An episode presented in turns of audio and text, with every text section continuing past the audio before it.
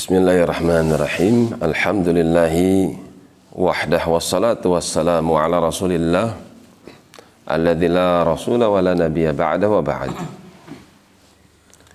Masih di dalam surah Sad sampai pada firman Allah Ta'ala tentang sambutan kaum musyrikin terhadap kalimat La ilaha illallah.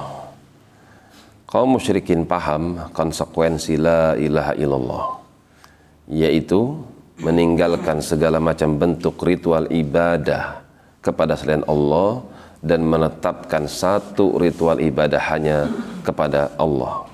Menetapkan suatu ritual apa pun ritual tersebut hanya untuk Allah. Wantalaqal mala'u minhum.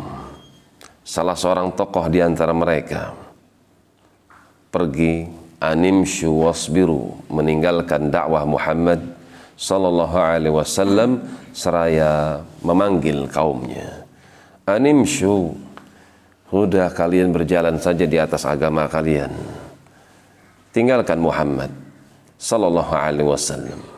Adapun ucapan dia tentang arca-arca kita, ucapan dia tentang apa yang biasa kita lakukan dari ritual ibadah kita, wasbiru, sabar aja kalian. Ala alihatikum, terhadap peribadatan kalian kepada Tuhan-Tuhan kalian. Sabar yang bukan pada tempatnya. Inna hadza la syai'u yurad. Sesungguhnya apa yang dibawa sama Muhammad sallallahu alaihi wasallam satu saat akan ditolak oleh mereka manusia. Keyakinan yang batil bahwasanya kebatilan mereka itu akan jaya.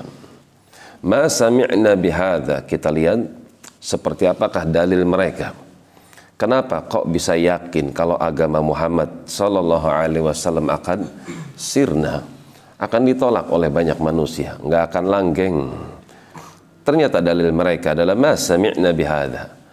Apa yang diserukan oleh dia itu berupa meninggalkan segala macam bentuk ibadah kepada selain Allah dan menetapkan ibadah hanya untuk Allah. Kita nggak pernah dengar fil millatil akhirah dari agama-agama sebelumnya sampai agama terakhir yang pernah diturunkan katanya.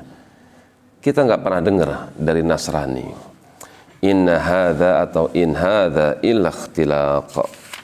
Apa yang diucapkan Muhammad sallallahu alaihi wasallam tidaklah kecuali cuma kedustaan yang diada-adakan atas nama Allah. Dalam ayat ini kita mendapatkan pelajaran bahwasanya setiap dakwah kadang terdapat padanya musuh-musuh yang pandai berorasi yang memberikan kerancuan di tengah-tengah masyarakat sehingga orang-orang yang fitrahnya baik yang asalnya ingin ikut kepada kebaikan pun menjadi rusak karenanya. Demikian wallahu taala alam bisawab.